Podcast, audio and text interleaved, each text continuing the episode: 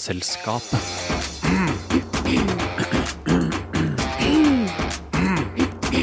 Vitenselskapet.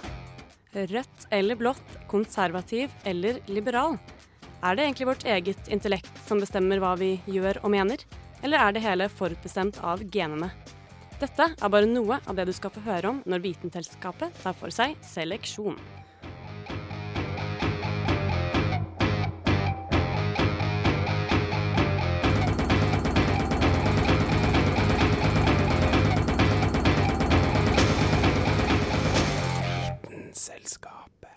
Hei og velkommen til dagens sending av Vitenselskapet. Jeg heter Lise Eide Risanger og skal geleide deg gjennom den neste halvtimen med Vitenselskapet her på Radio Nova. Dagens tema er seleksjon, og du skal bl.a. få høre om farger som påvirker valgene våre, gener som avgjør hva vi stemmer, og avling av både laks og kuer. Vite vet Vitenselskapet.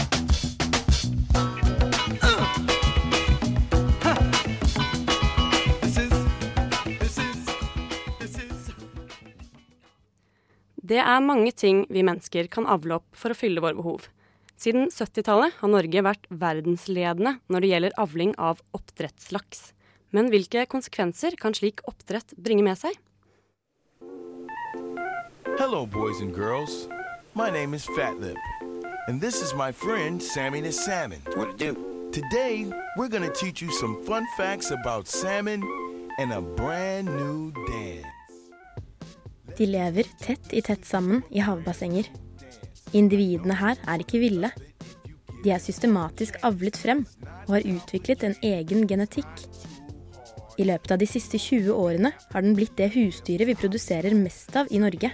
Og før den vet ordet av det, ender den opp i frysedisken vår. Salmon, please. Jeg snakker selvsagt om oppdrettslaksen. Når fiskeyngelen har fått en viss størrelse og vent seg til saltvann, settes den ut i merder i havet. Disse merdene er som store nett som holdes flytende av en sirkulær ramme. Merdene skal avgrense laksens leveområde slik at den ikke kan rømme. Moderne oppdrettsanlegg kan ofte ha en million individer fordelt på flere merder. For å hindre stor lokal forurensning med konsentrasjon av avfallsstoffer, må oppdrettsanlegg ligge på steder med god gjennomstrømming og dybde. Det er dessuten gunstig hvis man får jevnt høye temperaturer. Laksen trenger mye fett og proteiner i kostholdet sitt. Fôret er laget av oljer og proteiner som er tilsatt mineraler og vitaminer. I tillegg tilsettes det antioksidanten astaxantin. Denne antioksidanten finnes naturlig i bl.a. rekeskall, og det er gjennom denne antioksidanten laksen får sin rødfarge. B-E-A-beautiful. Men hvilke konsekvenser kan et oppdrettsliv bringe med seg? En liten rakker som kan by på problemer, er lakselusen. Lakselus er en parasitt som lever naturlig på laks.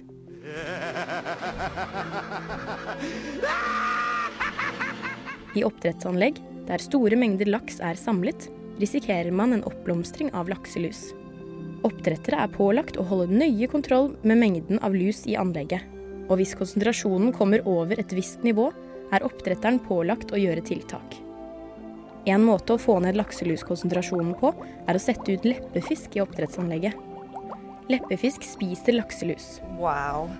Og ved å ha en viss mengde slike fisker i merdene, kan lusenivået holdes nede. En annen måte å bli kvitt lusen på, er å bruke legemidler som er godkjent av Statens legemiddelverk. Problemet er imidlertid at den ville laksen som er rundt anlegget, ikke avluses. Den kan dermed få så store mengder lus at den svekkes eller dør av det. Den voksne villaksen er ikke den mest utsatte, siden den lever mesteparten av livet langt ute på havet. Det er imidlertid verre med sjøørret og sjørøye, som lever et mer stasjonært liv i fjordene. Et annet problem som kan oppstå i forbindelse med oppdrettslaks, er rømming. Til tross for et strengt regelverk og fokus på problemstillingen, ser man fremdeles eksempler på at store mengder laks rømmer fra anlegg. Rømming er et miljøproblem. Man regner med at en del av oppdrettslaksen ikke kan greie seg ute i naturen. Men en del vil likevel overleve og gå opp i elver, for så å formere seg med hverandre og med villaks. Det er ikke fare for at laksen blir utryddet, eller at slik formering gir uventede virkninger, men det fører til tap av genetisk bredde i laksestammen. Oppdrettslaksen har sine aner i ville norske laksestammer. Men pga. systematisk avl og utvalg har oppdrettslaksen en egen genetikk, og ulike oppdrettslakser ligner på hverandre. Hos villaksen er det stor genetisk variasjon fra stamme til stamme, og man frykter at dette mangfoldet skal gå tapt hvis man får stadig innblanding av oppdrettslaksgener. Dette kan muligens gi en svekket villaks og mindre variasjon i arten. Så med andre ord er det ikke bare bare å drive med oppdrettslaks. Do not try this at home. Det har til og med skjedd at oppdrettere har fått fem til ti millioner kroner i bot ved å oppgi feil lusetall. Wow. Så dagens moral er tell lus nøye. Wow.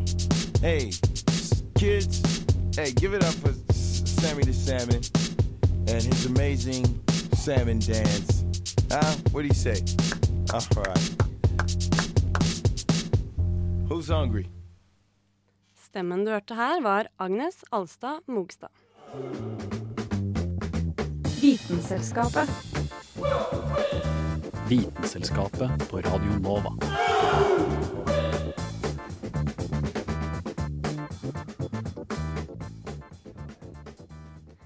Alle vet at det er nærmest umulig å gå gjennom livet uten å bli påvirket av en eller annen form for reklame.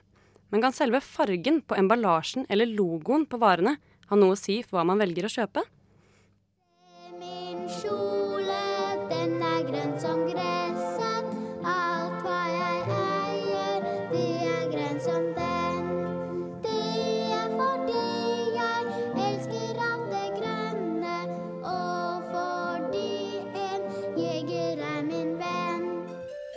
Signaliserer energi, varme, fare og ildfull kjærlighet. Grønt er ro og balanse, natur og harmoni. Blått er flott og kaldt og avslappende. Og brunt er stabilt og trygt og kjedelig. Hørte før? Dette er klassiske fordommer mot de ulike fargene, som ofte blir gjenfortalt som universelle sannheter. Og faktisk er det ofte slik at vi blir påvirka av fargebruken, mer eller mindre bevisst. Noen farger, som f.eks. rødt, later til å faktisk ha en universell betydning, som stopp, fare, som går på tvers av ulike kulturer. Man bør imidlertid ta forbindelsen mellom ulike farger og hvilke følelser de gir, med en liten klype salt. For det er ikke nødvendigvis slik at vi er biologisk programmert til å forbinde f.eks. gult med glede. Det har antageligvis heller ikke så mye å si for hvorfor vi velger ett produkt framfor et annet når vi går på butikken. Ikke fordi farger ikke har noe å si for hva vi velger, det har det definitivt. En undersøkelse har vist at opptil 90% av impulskjøpene våre kan komme av fargen på produktet. Det er imidlertid altfor mange individuelle preferanser til at man kan si at folk generelt foretrekker én farge på et produkt framfor et annet.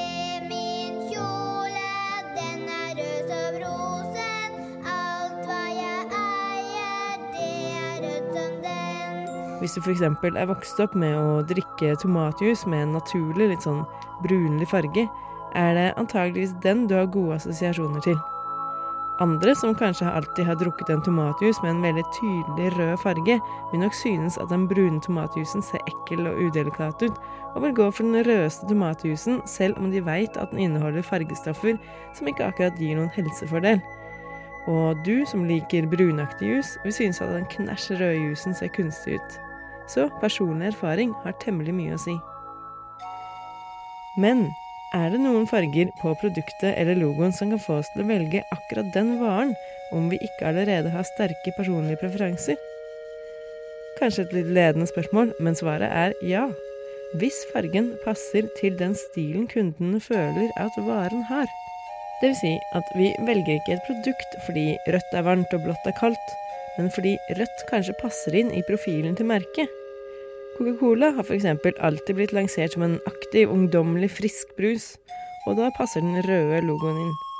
Og kunder som kjøper motorsykler fra Harley Davidson, gjør antageligvis det fordi de vil ha noe som er litt tøft og barskt. Om eh, Harley hadde lansert seg med sparkly rosa, hadde de sannsynligvis bomma ganske mye på målgruppa si, men svart og sølv og oransje føles liksom mer riktig i stilen. I tillegg er det også viktig for produsentene at deres produkter skiller seg ut fra de andres. Så hvis alle de andre varene f.eks. bruker blått, kan det hende at man kan selge litt mer hvis man skaper en lilla variant. Men det er også kjønnsforskjeller her. Mange personer styrer gjerne unna hvis de føler at fargene er eh, på en eller annen måte feil for deres kjønn, som f.eks. at rosa klær på gutter er for femi, som tydeligvis er det verste som kan skje hvis du er en viss type gutt. Dette er selvfølgelig en helt tillært ting. Å dele barn inn i rosa og blått basert på kjønn er en temmelig ny greie som begynte sånn på 40-tallet. Tidligere var faktisk rosa ansett som mer passende på en gutt, fordi det var en mer livlig farge, mens blått var bedre på jenter fordi blått var mer delikat. Utover på 80-tallet, når det ble mer og mer vanlig for hvite fosteres kjønn, gjorde det at man kunne fargekoordinere barnets garderobe allerede før det ble født, og man begynte å få de skarpe skillene i guttefarger og jentefarger som vi ser i dag. Men selv om dette er en kunstig og tillært ting, hindrer jo ikke det at de fleste nå har fordommer mot enkelte farger. Det gjør at når produsentene skal velge en farge på produktet sitt, så må de se an hvem som er i målgruppa for akkurat deres produkter, og velge en farge som ikke assosieres med feil gruppe.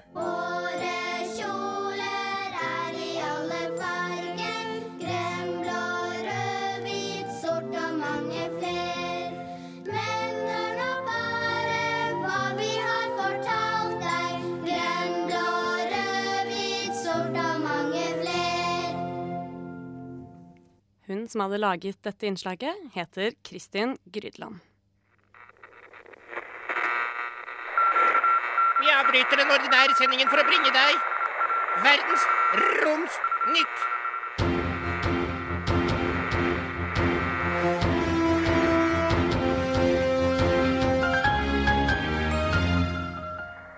Og der var det duket, dekket, klappet og klart for en ny dose med Verdensromsnytt. Det har gått en stund siden sist, det har det. Og nyhetsfatet bugner av deilig intergalaktisk snadder. Først ute en trist nyhet. Vårt kjære Kepler-fartøy har siden 2009 oppdaget over 5000 eksoplaneter og falt torsdag inn i nødmodus. Nødmodus! Dette er dog ikke første gang. Kepler fullførte sin hovedoppgave allerede i 2012, og har siden det gått i nødmodus flere ganger som nå er på sitt utvidede oppdrag døpt K2.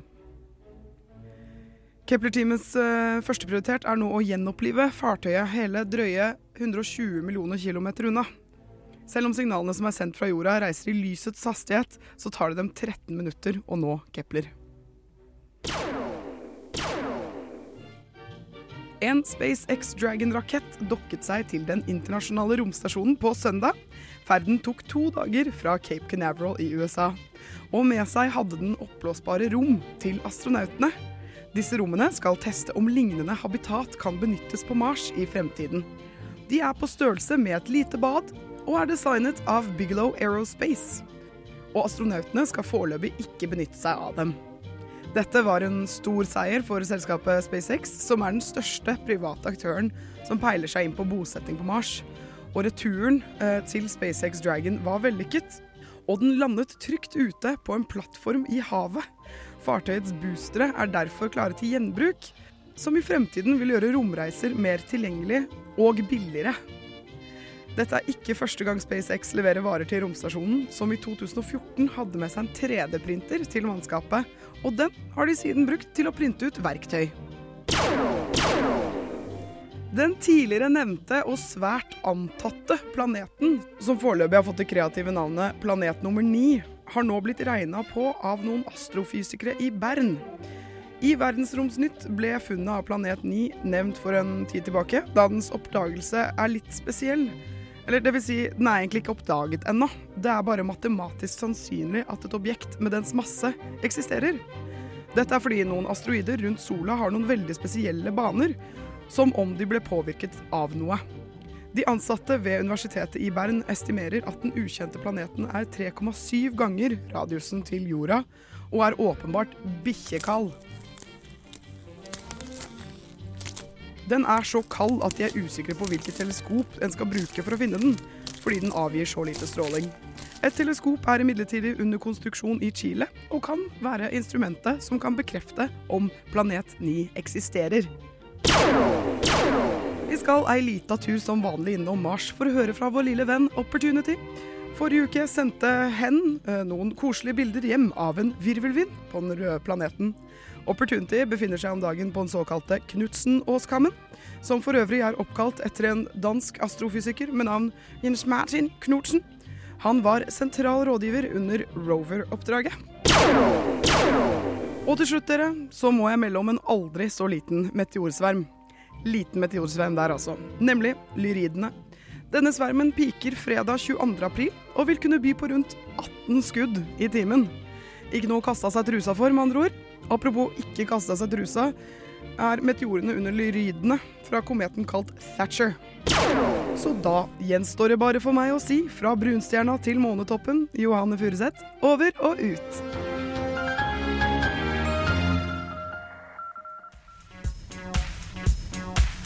Hæla i taket med Vitenselskapet.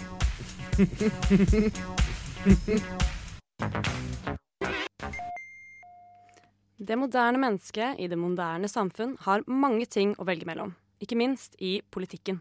Men hvordan tar vi egentlig disse politiske valgene? Har vi fullstendig kontroll? Det er ikke valgår i Norge. Amerikanerne de skal om ca. sju måneder til urnene, men akkurat her til lands har vi ei lita pause før det igjen braker løs med stortingsvalget 2017. Nå spør du deg kanskje, akkurat hva har politikk i et program om naturvitenskap å gjøre? Jo, nå skal du høre. En studie foretatt av Instituttet for tvillingforskning i Storbritannia foran valget der i 2015 hadde noen interessante resultater. Men hva har tvillinger med saken å gjøre? For vi kan vel ta til banken at ingen land har en så stor befolkning med tvillinger at de sånn sett kan ses å ha noen avgjørende påvirkning for valgresultatet. Grunnen til at tvillinger er høyinteressante å studere i denne og andre sammenhenger, er nettopp det faktum at de er tvillinger. En setning som kanskje sier seg selv, men du kan kanskje tenke deg til hvorfor. Eneggede tvillinger deler som folk flest vet 100% av sine gener. Hos de som ikke er eneggede, er andelen ca. 50 I tillegg kan man gå ut ifra at miljøet som har formet både de eneggede og de tveeggede, har vært bortimot identisk. De aller fleste vokser jo opp sammen på alle vis. Dermed kan man bruke tvillinger i ulike sammenhenger for i hvert fall å se tendenser på i hvilken grad det er genetikken som avgjør hvis man sammenligner de eneggede tvillingers svar og de som ikke er det. Studien vi i dag prater om, analyserte spørreundersøkelser gjennomført av 2355 tvillinger, hvorav de fleste var middelaldrende. De fortalte om hvorvidt de skulle stemme i det hele tatt, og hvilket parti de eventuelt skulle stemme på. Det studien fant ut, var at å stemme de konservative, eller ikke stemme på de konservative, tilsynelatende var påvirket av genetikk, altså arvelig. Studien ga et resultat på 57% enten for å stemme eller ikke stemme konservativt. Det betyr at eneggede tvillinger var mer sannsynlig til å stemme på samme måte, enten for eller mot de konservative, enn det tveeggede tvillinger var. Som alle vet er det flere partier i Storbritannia, men undersøkelsen viste ikke en like stor trend hos disse.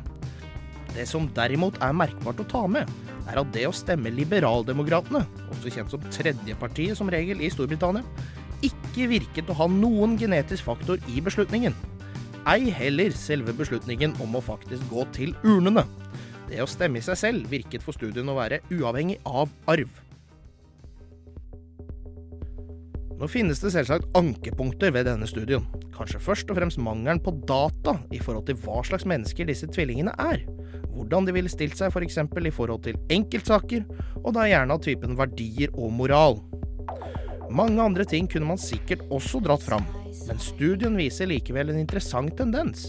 Som sikkert blir enda mer interessant når den blir bedre belyst gjennom flere studier og overlapping med andre studier. Men tankefòr burde det absolutt være.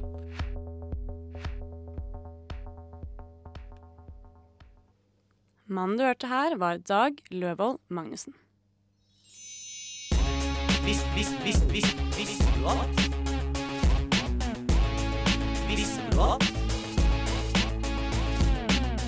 Visste du at? Selv om bare én side av månen vender mot jorda, så kan 59% av månens overflate ses herfra. Det er fordi månen vil vri seg litt i sin bundne rotasjon rundt jorda.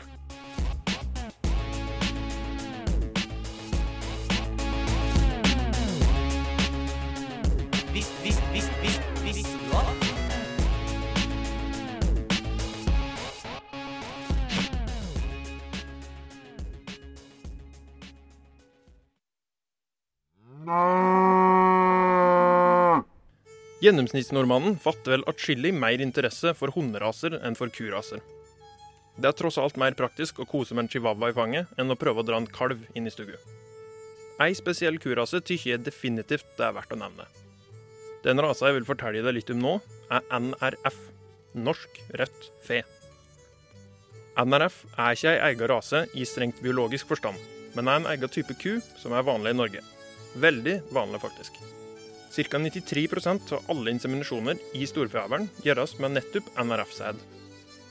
Da må det da være et eller annet spesielt med denne kua, da, siden det er så vanlig. Hva kan det være? Hundeavl handler jo ofte om utseende. Med ky er utseendet ikke så viktig hvis du er en pragmatisk nordmann. Derfor er NRF knappast avla på utseendet i det hele tatt. Kyen er røde, som navnet tilsier, men ikke alle. Ca. 20 skiller seg ut og er sorte fe, eller hvite. Det er pga. gentilførsel fra andre raser, og her var ikke farga hovedpoenget. Kyn er i større grad blitt kolla med tida. Det vil si at de ikke har hånd. Dette er praktisk, og siden genet for kollahet er dominant, ikke så vanskelig å avle fram. Hva den NRF-avler ser etter, da? For en gårdbruker er det særlig to ting en har lyst å få fra kua. Kjøtt og mjølk. Derfor er NRF-kyn veldig gode på dette. Ei voksen ku veier fra sånn 550 til 650 kilo, mens en okse kan veie oppimot 1300 kilo. Det er lett å tenke at om du får mye kjøtt og melk, så er du i mål. Men NRF har ett til særlig fokus, nemlig helse og fruktbarhet. Kyrne har sterke føt og gode jur. I tillegg er de eksepsjonelle når det kommer til kalving. Mindre enn 2% av kalvingene har større vanskeligheter, og mindre enn 3% av kalvene er dødfødte. NRF er ei bærekraftig rase, og har blitt drevet fram av FN som et godt eksempel på moderne, god og bærekraftig avl. Eierne av NRF-rasa er Geno. Geno er en organisasjon som er eid av de norske storforbundene. Rødt i mer enn én forstand, altså. Geno begynte som mange forskjellige avslag rundt omkring i landet. På 30-tallet gikk lagene sammen for å logge ei ny ku, og det er det som oss i dag kjenner som NRF. Grunnlaget for kua er hedmarksfeet. Ut på 60-tallet kom avlen på rødfe ordentlig i gang. I første omgang blanda de i hop de gamle norske storferasene. Østlandsk raukolle, sør- og vestlandsfe, dølafe, telemarksfe, raut og sida trønderfe, nordlandsfe og mårselvfe. Kyr fra det ganske land. Så så avslaget utafor landets grenser. To viktige bidrag er den finske Ayrshire og svensk rødt og hvitt budskap, kjent som SRB. Klinger ikke like godt som NRF, altså. Nice try, svensker. På 70-tallet kom holsteinfrisisk fe fra USA og Canada med i leken. Disse har mye av ansvaret for at NRF delvis er svarte og hvite. Norsk rødt fe er tilpassa norske forhold. F.eks. får kyn en kalv i året som passer godt for den norske bonden. Men sjøl om NRF er logga med tanke på norske bønder, er det fortsatt etterspurt i utlandet, siden det viser seg å være så gild ei ku. Sæden fra NRF-oksene blir eksportert til mer enn 20 land verden over. Her blir den òg kryssavla på nytt med andre raser. Så neste gang du ser ei ku, er det nok et norsk rødt fe. Da kan du se utover, og kanskje føler du en viss nasjonalromantikk og stolthet over landet ditt. Jeg vet at jeg er det, i hvert fall. Sjøl om en kanskje ikke skulle tro at dyresæd er noe som skulle framkalle en varm og god følelse. Dette innslaget ble laget av Carl Adams Kvam.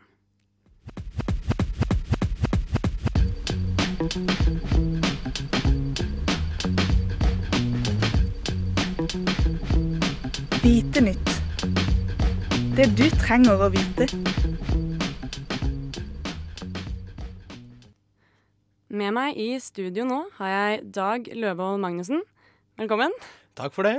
Eh, Du skal snakke litt om hva som rører seg i det vitenskapelige nyhetsbildet nå om dagen. Har du noe spennende å meddele? Ja, jeg vil faktisk si det. Og apropos rører seg, det er jo Vi skal til ting som rører seg i dag. Og vi begynner, vi begynner over Atlanterhavet. Og hvilket stort land ligger der? Der tenker du kanskje Der ligger USA? Nei, der ligger? Canada! Der ligger Canada. Vi skal til Canada. For i Canada har man gjennomført et eksperiment som er ganske artig. Det er eh, Ved et universitet der oppe har man tatt dompapper. Dum, dompapper som egentlig høres jo forholdsvis dumme ut. De er jo ikke dumme, men eh, vi har et eh, såkalt innslag av eh, Alle har jo hørt det der eventyret om bymusa og landmusa, ikke sant? Og her har vi tatt bydompappen og landdompappen. For vi har jo testa intelligens hos stort sett de fleste dyr, men her vil man altså teste intelligensen hos byfugler kontra landfugler. Så har man fløyet inn dompapper fra landet, og man har tatt dompapper fra byene. Og det man da har gjort, er at man har tatt eh, godteribiter. Altså akkurat hva som er godteribiter for dompapper, det er jeg ikke helt sikker på, men i hvert fall noe de vil da søke ut og prøve å få tak i, og få nebbet sitt på å kose seg med, da. Så har man tatt dette godteriet og putta det i eh, putta det i en skuff eller oppi en boks med et lokk på. Og så har man latt fuglene uh, fri på, på altså emballasjen, da, for å si det sånn. For å se om de da klarer å komme seg fram til godteriet som ligger nede der, da. Og det som eh, viser seg, er jo at eh, disse byfuglene, det kunne man kanskje tenke seg til på forhånd, men nå har man faktisk gjennomført et forsøk på det, er jo da smartere enn landfuglene. De er jo da vant til alle mulige slags altså distraksjoner og måter å få mat på fra ja, jeg har opplevd sjøl at det har landa en eh, liten uh, dumpa på bordet og begynt å hakke på eh, brødsmuler der, liksom. Og det er de jo vant til i byen. Og de er mer kreative enn landfuglene, da. Og så sa forskerne til seg sjøl at eh, jo, nå har vi funnet ut det, og det visste vi jo mer eller mindre på forhånd, at landfugler de er jo mindre vant til alle byens eh, kjas og mas og all, alle kravene og de kreative greiene man må gjøre for å få tak i mat. Men da har de bedre immunforsvar på landet, vet du. For i byene så er det mye skitt og lort, og ja, og det er dårlig luft av hele pakka. Men nei, viser det seg. Byfuglene har både bedre immunforsvar og er smartere. Altså de er bedre versjoner av sin egen art. Og det hadde man ikke trodd på forhånd. Nei, det var overraskende. uh, og i tillegg så kan det jo nevnes det at uh, en logisk liten tvist på fuglene også, er at eh, byfuglene, altså både dompapper og svarttrost i byer, de synger i en høyere frekvens enn de gjør på landet. Og kan du kanskje gjette hvorfor de gjør det? Må man kanskje overdøve all støyen i byen, eller? Det er midt i blinken, akkurat der. Det er at de må overdøve alt, eh, alt hele støybildet, alle forskjellige sånne ting i byen, som gjør at de synger på en høyere frekvens, og de skal høres over lengre avstander, da, selvfølgelig. Mm. Artig. Har du noen andre nyheter å fortelle oss om, eller? Ja, da skal vi gå fra en gammel uh, britisk-styrt eh, kolonimakt til en annen, får vi si. Vi skal til Australia, og nærmere bestemt Melbourne Zoo. I Melbourne Zoo så bor det orangutanger. Og du har sikkert sett orangutanger. De er veldig ja, jeg vil, jeg vil faktisk kalle dem veldig sjarmerende apekatter. De er eh, oransje, de ser eh, Ja, de, de ser elskbare ut, skal vi si det. Eh, og så er de veldig smarte. Noe mange vet. De er vel eh, de er helt oppunder sjimpanser når det gjelder intelligens, selv om sjimpanser kanskje er bitte litt smartere. Og de deler 97% av genmaterialet sitt med mennesker. Men så er det sånn for orangutanger i fangenskap, så har de jo ikke disse utfordringene de har i eh, in the wild. De har ikke kravet på å finne maker og, og naturlige farer og sånn. Så det man eh, Utfordringa er å gi dem noe å gjøre, for ellers så blir de selvdestruktive. Og det man har gjort der, er rett og slett å gi dem, prøve å få dem til å spille spill med iPader og Kinect og de greiene der. Men nå, nå lurer jeg på om orangutangene faktisk nå nettopp har lagt seg, så vi må videre. Ja, det må vi faktisk. Tusen takk for at du kom, Dag. Bare hyggelig. Vitenselskapet. Det var alt vi rakk i dagens sending av Vitenselskapet. Hvis du vil høre mer populærvitenskapelig radio, kan du klikke deg inn på vår podkastkanal i iTunes og på Soundcloud, hvor du finner alle våre tidligere sendinger. Du finner oss også på Twitter og Facebook på og på radionova.no. Mitt navn er Lise Risanger. Ha en fortsatt god tirsdag.